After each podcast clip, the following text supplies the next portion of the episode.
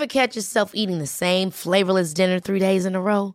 Dreaming of something better? Well, HelloFresh is your guilt-free dream come true, baby. It's me, Kiki Palmer. Let's wake up those taste buds with hot, juicy pecan-crusted chicken or garlic butter shrimp scampi. Mm. Hello Fresh. Stop dreaming of all the delicious possibilities and dig in at HelloFresh.com. Let's get this dinner party started. Hey, it's Ryan Reynolds, and I'm here with Keith, co star of my upcoming film, If, only in theaters, May 17th. Do you want to tell people the big news? All right, I'll do it. Sign up now and you'll get unlimited for $15 a month in six months of Paramount Plus Essential Plan on us. Mintmobile.com slash switch. Upfront payment of $45 equivalent to $15 per month. Unlimited over 40 gigabytes per month. Face lower speeds. Videos at 480p. Active Mint customers by 531.24 get six months of Paramount Plus Essential Plan. Auto renews after six months. Offer ends May 31st, 2024. Separate Paramount Plus registration required. Terms and conditions apply if rated PG. There's never been a faster or easier way to start your weight loss journey than with PlushCare. PlushCare accepts most insurance plans and gives you online access to board-certified physicians who can prescribe FDA-approved weight loss medications like Wigovi and Zepbound for those who qualify. Take charge of your health and speak with a board-certified physician about a weight loss plan that's right for you. Get started today at plushcare.com slash weight loss. That's plushcare.com slash weight loss. plushcare.com slash weight loss.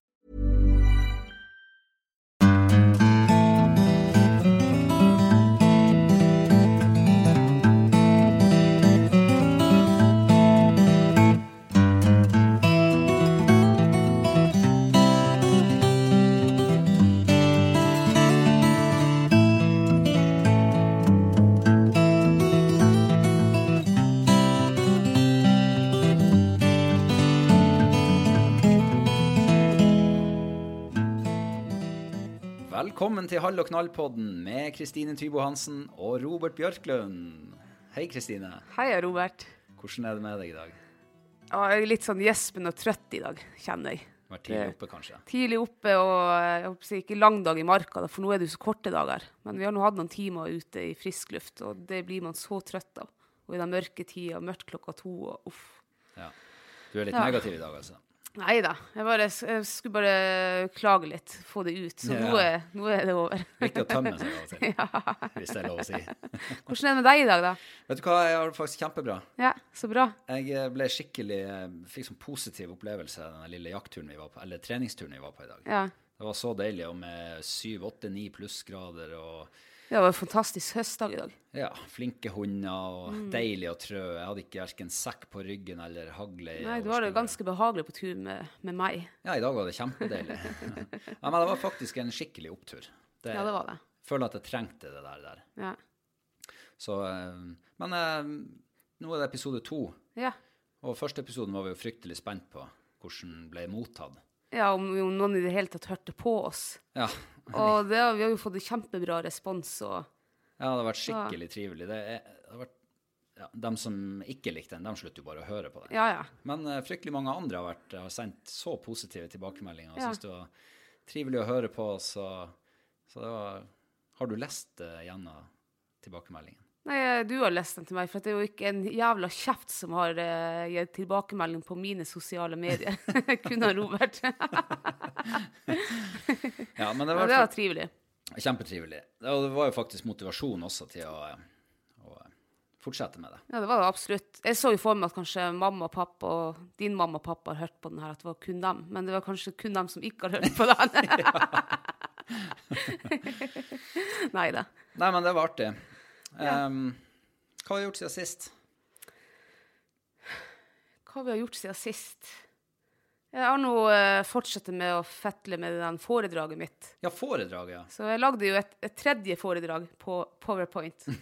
Og det så jo veldig lovende ut eh, til jeg lagra det siste presentasjonen.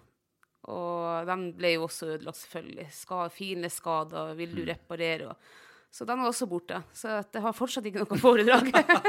jeg vet ikke, jeg tror ikke det er meningen at jeg skal holde foredrag. Jeg vet ikke. Jo da, jeg tror det er meninga. Huff, hvor irriterende.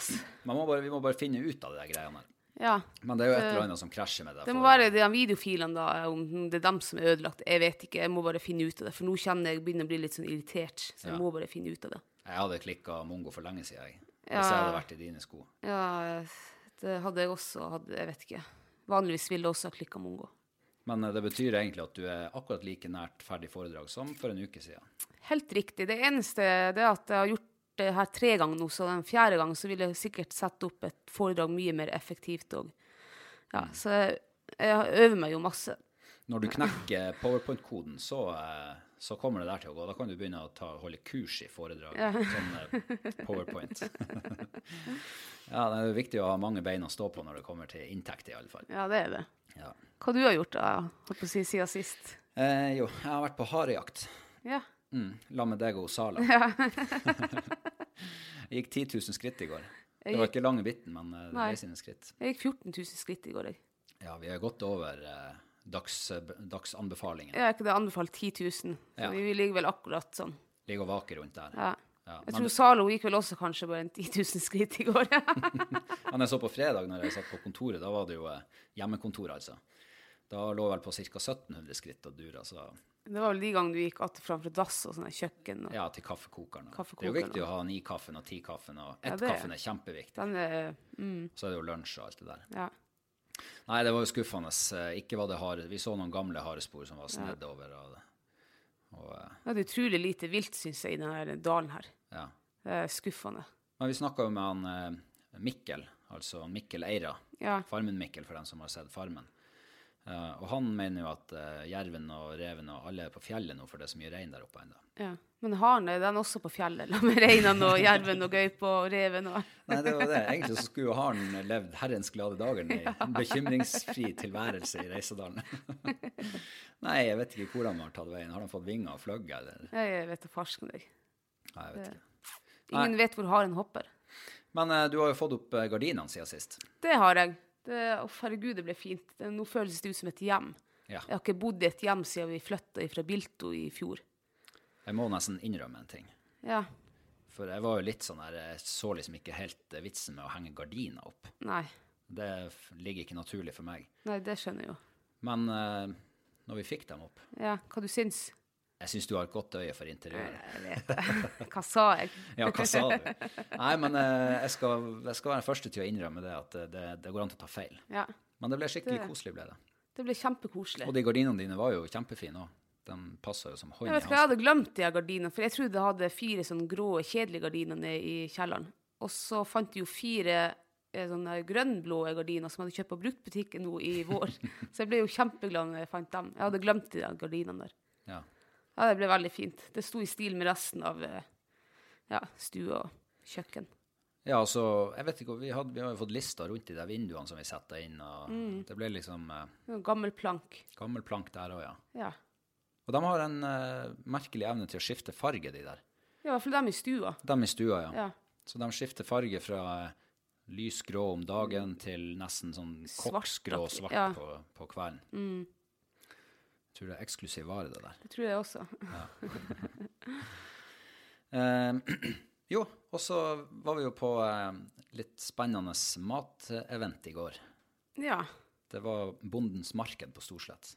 Ja, jeg hadde jo håpa å skulle få eh, sett eh, om de solgte hestebiff eller sauhaug, men de solgte jo ingen av delene. Nei.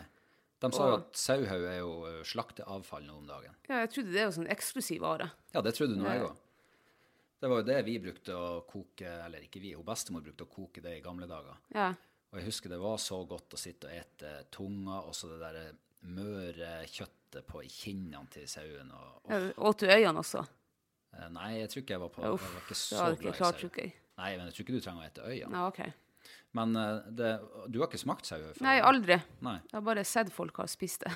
Nei, de bøndene vi møtte på Bondens marked, de sa jo at uh, haugene det går rett i kverna, eller hvordan de gjorde det.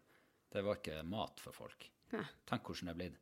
Men er ikke det mat for folk på Vestlandet? Er ikke der, der er det vel vanlig å ete sauhaug? Smalahove, eller hva det heter. Ja, der spiser de smale Ja. Ja, det er jo eh, sånn som de skremmer turistene med der. Ja. Men her oppe så har vi tydeligvis ikke beholdt den tradisjonen. Nei. Men uh, vi får jo tak i sauhaug nå, da. Nå vet vi jo hvor vi skal Ja. ringe og sånn. Så det blir jo spennende å få prøvd ut. Nå har vi jo bestilt fem haug av villsau. Ja, det blir og spennende. Så skulle vi vel få et par haug av vanlig sau òg. Ja. De sa det var godt å speke og tørke, eller hva de sa. ja, røyke, tror jeg. Og Røyke. salt er det. Lettsalte det eller noe. Ja. Koke. Ja. og eventuelt røyke. Åh, herregud, jeg kjenner jeg gleder meg til det der. Ja, det blir jo spennende. De sa jo det smaker litt som pinnekjøtt. Kanskje med litt mer smak i eller noe. Ja. Ja. ja, det blir artig. Og det blir, tror jeg blir litt sånn der eh, tilbake til barndommen for min del. Mm. Kanskje det kommer en liten skvett med tårer når jeg tenker på bestemor sto på kjøkkenet. Men kanskje man kan ha akevitt i det der. ja, kanskje det. Ja. Får du enda et glass. Et lite, en liten støvel. En liten støvel, ja.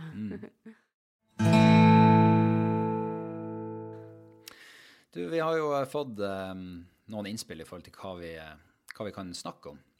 Og uh, nå glemte jeg å notere opp hvem det var som uh, ønska at vi skulle snakke om fellefangst. ja. Men det er jo et litt uh, interessant tema, egentlig. Og så er det jo Det er ikke så veldig mange som holder på med det. Nei, i hvert fall ikke her sånn i Troms, vil jeg tro. Ikke i hvert fall som jeg har hørt om. Det er i hvert fall ikke noe sånn høyprofilfangst. Det er lite å se av det på sosiale medier, og få som snakker om det. Og, Ja, men jeg tror du må bare være med i de, jeg de gruppene der det skjer. ja. For eh, jeg tror det er bra mange som driver på med fellefangst, men kanskje akkur ikke akkurat her i Troms og Finnmark, kanskje. Da når jeg tenker på mår, da. Ja. Ja. ja, for det er mår vi sysler med. Ja. Hva du har slags erfaringer med det? Nei, eh, nesten ingen. Når var det vi begynte? To år siden vi begynte med mårfangst. Ja, hadde ikke du gjort det her mange ganger før? Nei, jeg har aldri gjort det før. Oh, ja. Jeg fant en, eh, jeg husker for sikkert 15 år siden, jeg var grov i, eh, i de gamle bodene til bestefar. Så fant jeg en konnibærfelle, men jeg ante jo ikke hvordan jeg skulle spenne den opp. Så jeg torde jo aldri å, å, å begynne med mårfangst med den der. Nei, jeg begynte med det to år siden vi la første fella på en mår som var på åtet vår. ja. Og den fikk jeg. Og så begynte vi da for fullt da i fjor og begynte å teste ut litt forskjellige varianter av åte og ja, lukt og plassering. Og, ja. og det har jo lønna seg virkelig. Ja, for um, det er jo syningsfeller vi har brukt mest. Vi gjorde litt forsøk på en konnibær, men det var litt Det var ikke sånn eh, beint fram, liksom. Det var Nei. litt snekring og Det var litt snekring. Jeg sto vel oppe en par uker til lille julaften kom, så spente vi den ned. Så ble vi vel aldri å den opp igjen. Ja. Så, Men um, var det fire vi fikk i fjor? Fem? fikk fire. Jeg tror jeg fikk tre på den plassen. Ja. Du fikk én. Ja, det virker jo som at uh, du fant en veldig god plass Ja. Uh, med mye mår. Jeg var jo, gikk der på fuglejakt, fugljakt, og det var jo ikke fugl å se, men det var masse mårspor. Jeg tenkte at det, det var en fin plass. Og jeg tok vel tre mår der på noen uker før lille julaften. Etter det så spente vel aldri fella opp igjen. Gidder ikke mer. Eh, det er jo det, Vi har jo lest mange kilometer med meninger og tips og triks om, om fellefangst. og Både plassering og hvilken åte man skal bruke. og Ja, det var nå så mye rart. Men uh, har du sånne der, eh, tre beste tips til en, en som har lyst til å begynne med det? Teste det ut? Jeg kan jo si av min, av, Nå har jeg ikke så lang erfaring, eller mye erfaring med det, men jeg ser jo at uh, hundefôr uh, det har funka meget godt. Da drar du først på Rema 1000 eller en annen matbutikk, kjøper deg sånn meisboller eh, i sånn netting, sånn fuglemat. Tar ut meisboller, pjorrer inn med fuglefôr, og så må du også kjøpe fiken. Og så bør du ha ei eh, flaske med sirup. De tre tingene der. Smør sirup på busker og sleng rundt med hundefôr og fiken. Og ha hundefôr og fiken inni den denne meisbollenettet inni fella. Og så bare slå opp og vente. Morgen kommer, er han i området, så kommer han med en gang. Og han klarer ikke å motstå det der. Ja, eh, det sto jo også at hvis du får én mår i fella, så er det bare å la, eh, la fella fortsette å stå Ja. der den står. For da, da er det flere som regel i området. Ja. Det viste seg jo å stemme kanonbra der du hadde din felle. Ja, og den første målen jeg fikk der, det var vel en liten tispe. Så jeg tenkte at hm, kanskje det kan være et kull her. Og da fikk jeg to hanner da etter det. Så det kan godt hende det var samme kull, eller en annen uke, men Men de kom eh, en uke, tror jeg, gikk den i fella der. Jeg hadde jo ikke riktig så god eh, uttelling på min felle, for den sto jo halve vinteren inne i skogen her, og det ble bare én mår der. Ja. Men det virka også som det var spor etter bare én mår. Så, eh, men det var også Jeg lurer på om jeg hadde aprikos, kanskje. ja. Aprikos Det kan stemme, ja. og sirup og litt hundefôr. Og hundefôret det spredde vi jo litt rundt på bakken også, for å både lukte litt og og at de skulle få litt å knaske på. Så når det var tomt, så gikk de vel i fella til slutt. Um, men det var faktisk Det er jo litt sånn her eh, For vår del som bor her oppe, så er det jo korte dager på vinteren, og det liksom, du klarer ikke å utnytte dagene så veldig effektivt. Nei.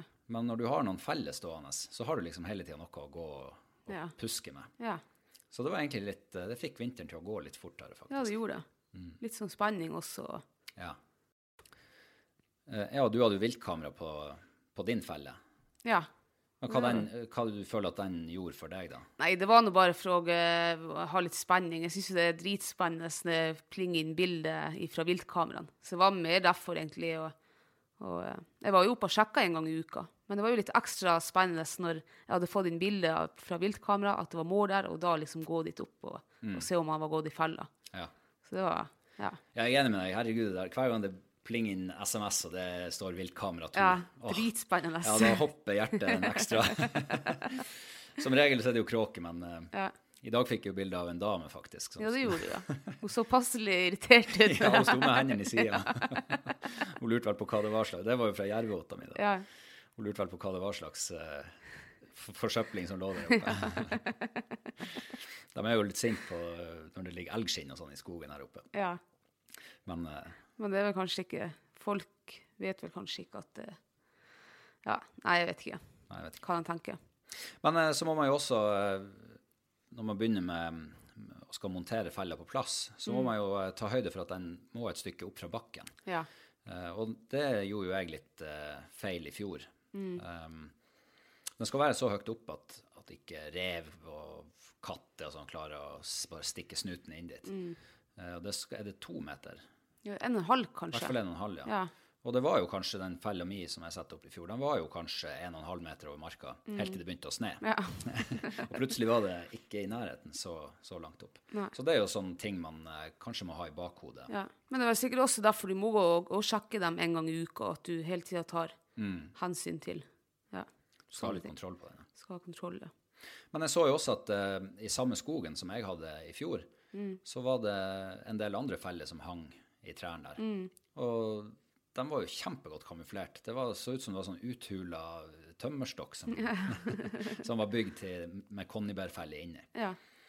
Eh, så det var vel Den ene var vel faktisk oppspent ennå. Jeg lurer på om du sa det. Det så ut som det var en stund siden den hadde vært i drift. Sikkert blitt glemt eller noe. Ja, det kan godt være. Men jeg har jo sett nå i, eh, her i Reisedalen at det er jo feller, egentlig, sånn gamle mårfellekasser gjennom hele Reisedalen, Mm. som ser ut som de har stått der i kanskje for 20-30 år siden. Ja. Så det er klart, de har sikkert drevet på med mårfangst her. Mm. På, uten at det egentlig Jeg har aldri egentlig Jeg har ikke begynt å interessere meg for mårfangst for de siste årene, så jeg ante ikke at Jeg tror ikke jeg visste at det var mår her i Reisedalen engang, før vi begynte. Nei, jeg ante ikke at det var så mye mår. Nei. I fjor var det jo, så du jo mårspor overalt. Ja. Uansett hvor vi var Ja. i fjor, så var det, Det var mårspor. med Ja. Men du prøvde jo, eh, da vi bodde i Bilto, så prøvde du jo en, etter en mink som var nede i elvebredden, gjorde du ikke det? Mm, ja, men, ja, det gjorde jeg faen meg. Mm. Det stemmer, det. Jeg synes, har ikke trua på. Du skal ha et uh, avkappa rør på 30 cm og sti... Nei, jeg har ikke trua på sånne der greier. Så, men jeg fikk aldri mink heller i den fella. Nei.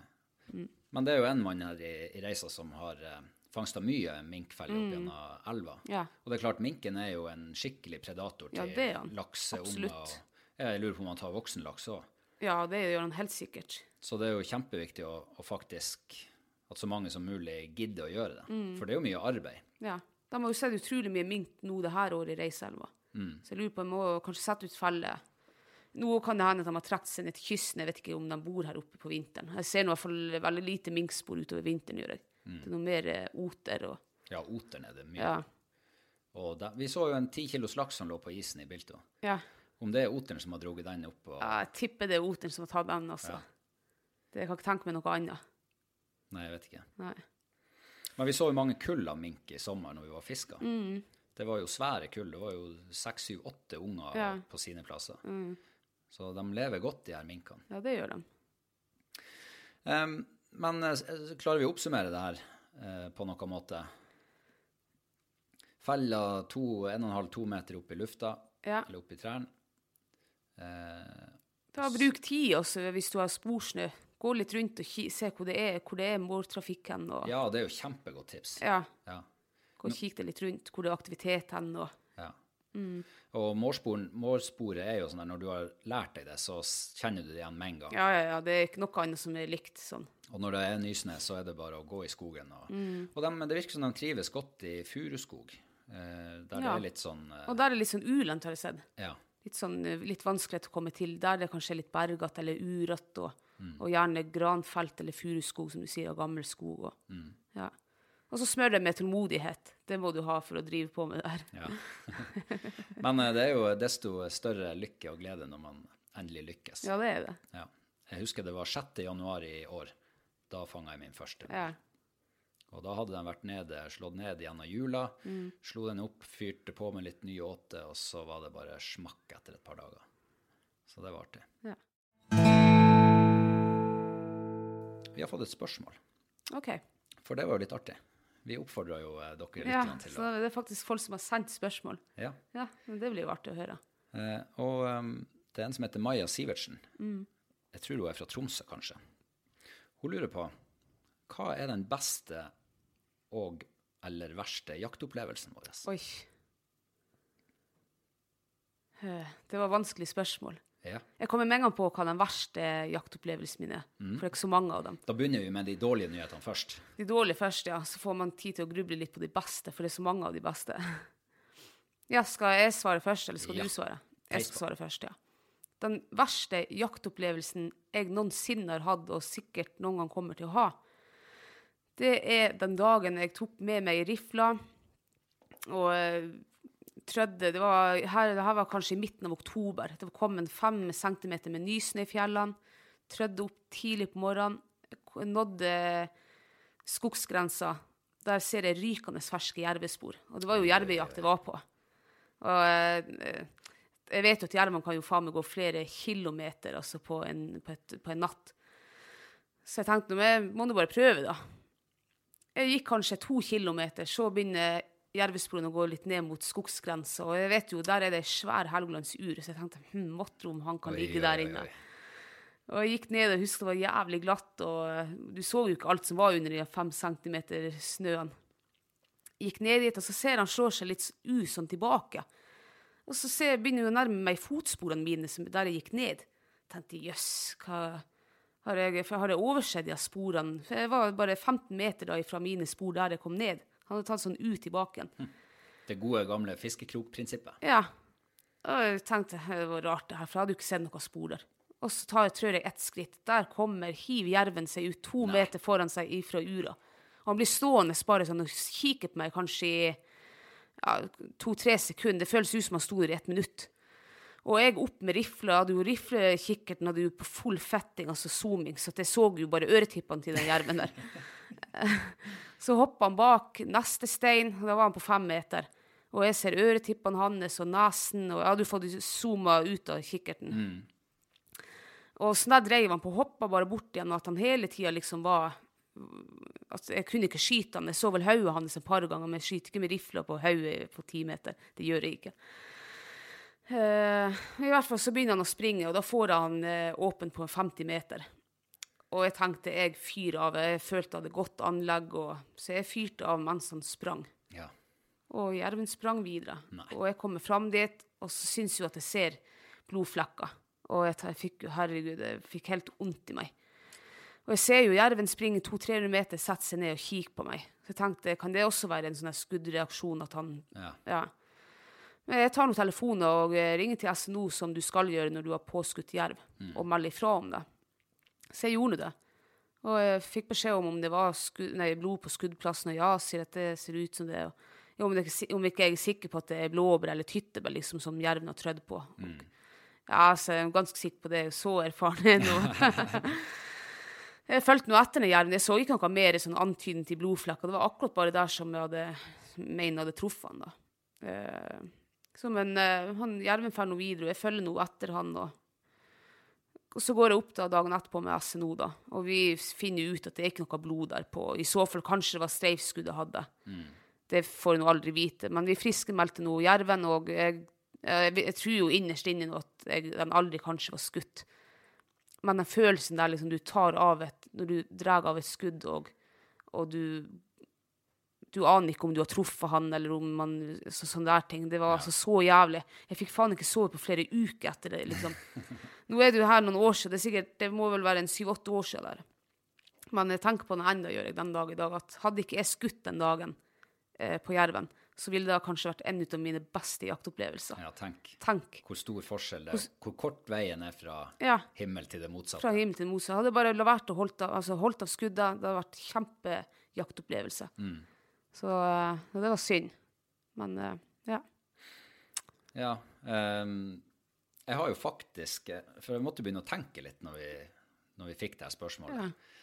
Uh, og min verste jaktopplevelse, det Jeg kan liksom gruble og tenke så mye, men det er en episode som sitter som spikra i ryggraden min. ja. Uh, og det var, var var like etter at jeg hadde tatt jegerprøven. Oh, ja. Jeg var en 16 år gammel.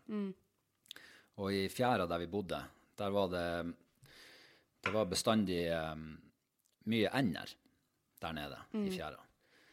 Så jeg lånte bestefar sin hagle, sneik meg nedover, og endene satt langt opp på fjæra. Det var fjærasjø i tillegg. Ja. Så de hadde et stykke ned. ja. Og eh, jeg vet ikke, jeg kom kjempenært på fint skuddhold, men de seig liksom og dro seg nedover til, imot sjøen. ja. Og i siste liten, så, før de la på svøm, så hoppa jeg opp og fyrte av. Og jeg så jo at jeg traff den ene. Ja. En andrik, Stokkan. ja. Og, men han svømte jo. Så jeg ladde om. Jeg hadde fem skudd med meg, og jeg skjøt alle fem skuddene etter han. Jeg så han traff. Du traff han alle jeg traff gangene. alle gangene. Han var midt i haglsvermen hver gang. Men han daua ikke. Skikkelig hardskutt. ja. Det her var på høsten. var på jeg innbiller meg at de er mer hardskutt da enn de er på, på sommeren. Men i alle fall, jeg måtte jo bare begynne å ro etter han. Uff, jeg får så vondt i meg når jeg tenker på den der. Den der stakkars anda. Jeg rodde altså midtfjords. ja. Når jeg nærmer meg, så dukker han. Og så kom han opp noen meter lenger bort, og så var det å ro etter han, og til slutt så fikk jeg tak i han. Ja, hadde du skudd mer igjen da? Nei, da hadde du ikke mer skudd. Du var fri for skudd? Jeg var fri for skudd. Ja. Herregud. Så en, en ung sjel er helt nybegynner på, Ja, ja. på jakt ikke sant, og får en sånn der situasjon i fanget. Nei, Det var grusomt. Eh, jeg trenger jo ikke å utbrodere og male liksom, eh, det bildet av eh, slutten på den andre Ja. der, men det var grusomt, det kan jeg si. Ja. Eh, så det der, den, den satt faktisk sånn støkk i meg at jeg eh, Ikke støkk, men sånn at du du, du tenker deg litt mer om, eller Ja. altså du skal Du får være kanskje ikke på andejakt dagen etter igjen? Det gjorde jeg ikke. Nei. Jeg tror ikke jeg var på andejakt før jeg møtte deg, faktisk. Å ja, den, den satt så lenge. Ja. Ja. Men jeg skjønner jo at en sånn der opplevelse først er liksom Mm. når du er fersk jeger og Ja, og det der med å skadeskyte vilt, Mm. det, um, det ble nok en litt sånn her ekstra betydning for min Mm. del. At jeg har prøvd å gjøre det jeg kan for å unngå skadeskyting Mm. etterpå. Og så har jeg òg tenkt, etter at jeg møtte deg eh, Og jeg har jo sett det når du skyter på rype, f.eks. Det var jo det vi begynte å jakte på. Eh, og det blir et skade, skadeskyting. Så bruker Altså, du leter til du finner den. Og det ble jeg faktisk litt overraska over da jeg begynte, for det var ikke jeg vant Gjorde det? Nei. Ja. Men kanskje det ikke er så mange som tenker på sånn. Eh, og så leit, altså tenker da jegere som kanskje ikke går med hund, da. Mm. Men for meg er det utrolig viktig å finne, finne viltet. Mm. Så jeg gir meg ikke om så det er en liten eh, krikkan, eller om det er hare eller tiur. Altså, Mm. alle liv er like mye verdt, og de skal ikke ligge der og pines unødig. Og du skal gjøre ditt ytterste for å, Ja. for å finne det. Ja. Mm. Nei, og det har, um, det har gitt meg enda mer sånn her øyeåpner i forhold til, eh, til akkurat det der. Ja. Og, og faktisk ta vare på det viltet du skyter. Og, og sørge for at det blir med deg hjem. Og i hvert fall gjøre det ytterste. Ja, ja. Så, Det syns jeg alle skal gjøre. Ja. Så um, um, Men det beste, da? Nå får vi ta de gode nyhetene. Uff, den beste. Uff, det er så mange skikkelige, gode jaktopplevelser. Jeg har jo eh, jeg har jo en. Ja, da kan du begynne, da, for Mm. jeg enda sitter der og tenker litt. Ja, for um, jeg fikk faktisk et minne opp på Facebook i går, tror jeg det var. Ja. Jeg fikk det samme minnet. Gjorde du det? Ja. Da var vi på Arnøya og jakta rype. Eh, ja, begynnelsen av november, og første sneen var kommet der. Det var ikke skiføre ennå, men vi gikk på fot. Ja. Det var en sånn ti cent med nysnø. Ja. Det var så mye rype. Og det her var vel første, nei, det var andre høsten vi jakta i lag. Det var det, ja. Det spruta rype. Vi gikk fra situasjon til situasjon. hundene jobba kjempebra. Mm. Vi fikk med oss rype hjem. Hadde et fint bål i, til lunsj og kokte kaffe og spiste brødskive med brunost. Jeg tror kanskje vi åt pølse. Jeg lurer på om vi ikke hadde pølse med oss. Nei, vi hadde pølse med. Ja. Og når vi da kom ned til, tilbake til bilen og, og eh, fikk eh, evaluert dagen litt kjapt, så husker jeg sa til deg at den her den sklir inn som den beste jaktopplevelsen Ja. noensinne. Og, og det skrev jeg også på Facebook. Ja. Det var Det topp én av jaktopplevelser. Men hva som gjorde seg at den her, var det for at det var så mye som skjedde, og mye fugl og Ja, det er klart, eh, for en? Ja, for Ja. en uh, nyfrelst jeger, sånn Fuglehundjeger. fuglehundjeger, ja. Ja. så var det der eh, Det var så en ultimat dag. Ja. Det var godt med situasjoner. Fuglene var relativt snille, hvis ikke jeg husker feil. ja, jeg mener de trakk det greit på. Og så var det selvfølgelig kjempegodt selskap. Ja. Nyforelska var vi. Ja. Kanskje derfor den dagen der ble så bra. Ja, det kan godt hende det. At du tenker på den som den beste Mm. jaktopplevelsen. Men det er klart, eh, det er jo et fryktelig vanskelig spørsmål å skal liksom finne Ja. den beste og den verste jaktopplevelsen. For det er så mange man kan ta av. Det er jo det. Og det er jo alt etter hvordan stemninga var den dagen. Og så er sikkert mye, det, for min del er det mye roller som spiller inn, da. Så derfor har jeg så mange gode jaktopplevelser, sånn Ja. de beste. Og så ser jeg jo at eh, hvis jeg bare kan drage den litt videre, at um, jo mer av jakta med hund, mm. så er det ikke det er ikke nødvendigvis at du fyller sekken, Nei. som er det store, den store opplevelsen den dagen. Det kan være særlig det med samspillet med hundene, og når hundene fungerer godt, og, og, og alle, man føler at alle er fornøyd når man kommer tilbake til bilen. Ja. Det, det er mye viktigere i dag enn det var for da, da jeg begynte å jakte med hund. For da var det å liksom få skutt kvoter. Ja, jeg hørte en episode med deg og Daniel på, på rypejakt. Ja, Før du ble hundejeger. ja da gikk den kule varmt. Men nå eh, kom på en min beste. Ja, få høre. En ut av Nå mine beste. Eh, Det var første tiurfallet til Fight. Å, ja. Og den var så, den var så spesiell, eh, liksom hele den situasjonen, for at det her var jaktstarten for åtte år. Eh, vi starta jakta da i Kautokeino, men eh, uka før hadde Fight blitt påkjørt. Eh, så hun var jo egentlig ikke det, Jeg var jo egentlig bare egoistisk og tenkte kun på meg sjøl. ja, du skulle ha den turen. Jeg skulle ha den turen til Kautokeino, for det var planlagt. Jeg så jo, Hun klarte jo å trø eh, på tre føtter. Så det er så egoistisk av meg. Så vi jakta nå en dag i Kautokeino. Så kjørte vi hjem. Og så hadde hun ligget og hvilt seg hjemme en par dager, og da begynte hun å komme seg. Så tenkte jeg at eh, jeg skulle bare slippe henne litt i skogen, bare at hun får røre litt på seg, at hun blir liksom Siden det var jaktstart. Og sånn det var, Ja. Jeg tenkte kun på meg sjøl da også, sikkert. Men jeg slapp nå fight i skogen. Og etter et kvarter, da pipte stand. Jeg tenkte, jøss, er det tiur hun står på, eller? For jeg tenkte, det ryper det ikke. Og jeg går til, hun står på den andre sida av ei lang myr. Og når jeg kommer til myrkanten, der hiver det seg en tiur ut, og så kommer flygende mot meg og rett over hodet. Og jeg ser jo jeg treffer han. Og Fight kom jo selvfølgelig springende etter og helt idiot. Og vi brukte, tror jeg lette etter han i en halvtime før vi fant han. Og bare husker den følelsen der på en Gikk liksom med en skada hund og første tiurfallet for henne, og vi fant igjen tiuren som hadde skutt på. Og var, jeg skreik, det gjorde jeg den dagen der. Da, Det er lov. ja, da, da ble det noen tårer, altså. Og da var jeg stolt som en hane. Og da, den, da hun fikk lov å hvile seg da noen uker etter det. Så, ja. Nei, men hun har jo eh, tydeligvis eh, knekt tiurkoden og fight. Ja, og jeg syns hun har blitt eh, ganske bra i skogen. her. Men nå har hun jakta, hun er jo ti år nå. Så det skulle vel kanskje bare mangle at hun hadde litt Ja, var litt rutinert, da. Um, men hun Maja hun hadde jo, var ikke ferdig. Ja, ja. Nei. Nei. Hva som fikk det til å begynne med jakt? For min del så har det vel egentlig Vi har nå vært oppvokst liksom med friluftsliv. Kanskje ikke direkte jakt, men eh, bestefaren min han drev jo på med jakt, fiske, fangst, og han hadde så mange gode historier, husker når vi var liten.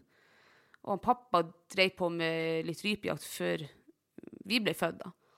Og så eh, vi, skreik nå han med oss ut på, på jakta, for det her hørtes jo så spennende ut. Så vi gikk nå i mange år på støkkjakt i lag med pappa. Ikke, han, ikke traff han rype eller noe sånt. her, så. Så jeg skjønner jo egentlig ikke hvorfor jeg har blitt så interessert i jakt en dag i dag. For det var jo mange år vi gikk som små unger, og det var liksom ikke noe sånn her. Det var ikke fugl i sekken, ingenting. Bare det- slit og tungt. Og. Var det bestefaren din som på en måte vekte Ja. den der, eller begynte å pirre den der nysgjerrigheten? Ja, jeg tror han var en ut av eh, liksom de momentene da, for at jeg har. Det vil jeg absolutt si, ja. Men hvis han ikke hadde levd mens du levde, hadde du fortsatt dratt faren din med på jakt? Det vet man ikke. Da krediterer vi bestefar din for det. Ja. Ja. Kanskje han bestefar som eh, vekka, som har en liten Ja. Ja, jeg tok jo jegerprøven på, i valgfag i 9. klassen, tror jeg, Oh, ja. med han Ottar Remmen som lærer. Og da var det jo nesten, du var jo nesten programforplikta til å komme deg ut på jakta. Oh, ja. Så det var jo den der ulykksalige andejakta mi. Og, og eh, ja, det var samme høsten og vinteren. Så jakta jeg en hare og to ryper.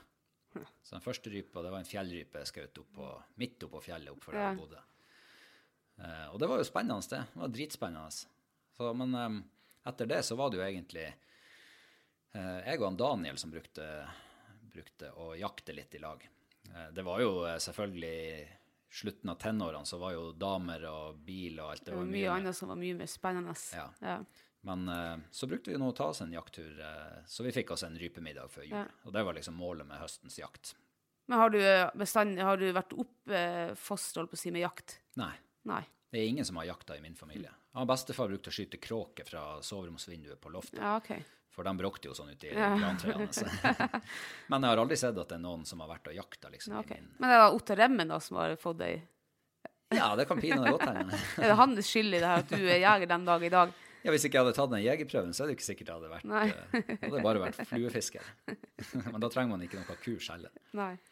Nei, vi kan jo kreditere Ottar Remmen, da. I Ja. hvert fall eh, at han er delaktig i det. Han er delaktig, ja. ja. Ja. Nå går tida fra oss. Vi skal forhåpentligvis eh, begynne å prikovere ukas mathøydepunkt snart. Den er jeg veldig spent på. Ja. Vi ble jo holdt på å si, ikke, vi ble nesten lovet at det der er noe av det beste vi noensinne kommer til å ete. Mm. Og det var eh, villsau, eh, eller villamribbe. ja. Ja. Så den skulle steikes i ovnen i halvannen time. På 180 grader, var det det? Ja, der i høvene. Ja. Den ser, veld- den ser i hvert fall veldig god ut. Den ser utrolig god ut, ja. Så den skal vi begynne å prikovere nå. Mm. Så får vi se. Kanskje vi tar en eh, recap neste uke. ja. Um, tusen takk for at du hørte på. Og send oss gjerne spørsmål og eller tilbakemeldinger. Vi setter veldig pris på det. Det gjør vi absolutt.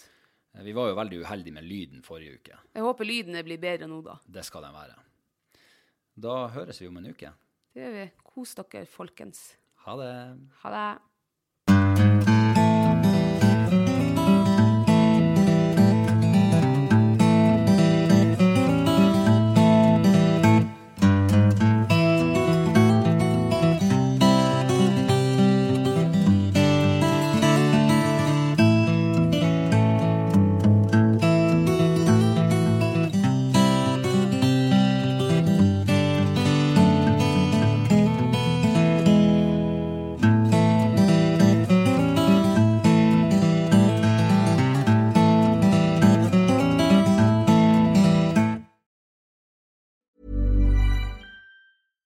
Hey, it's Paige DeSorbo from Giggly Squad. High quality fashion without the price tag. Say hello to Quince.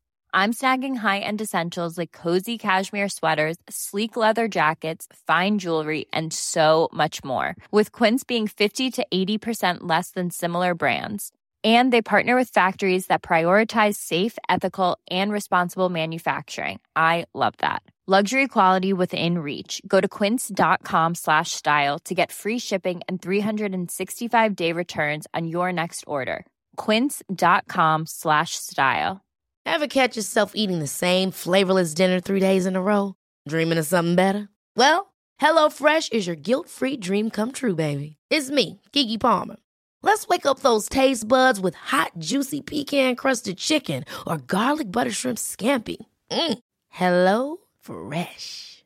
Stop dreaming of all the delicious possibilities and dig in at HelloFresh.com.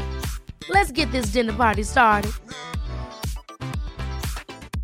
Hi, I'm Daniel, founder of Pretty Litter. Did you know cats tend to hide symptoms of sickness and pain? I learned this the hard way after losing my cat, Gingy. So I created Pretty Litter, a health monitoring litter that helps detect early signs of illness by changing colors, saving you money and potentially your cat's life. Pretty Litter is veterinarian developed, and it's the easiest way to keep tabs on your fur baby's health right at home. Go to prettylitter.com and use code ACAST for 20% off your first order and a free cat toy. Terms and conditions apply. See site for details.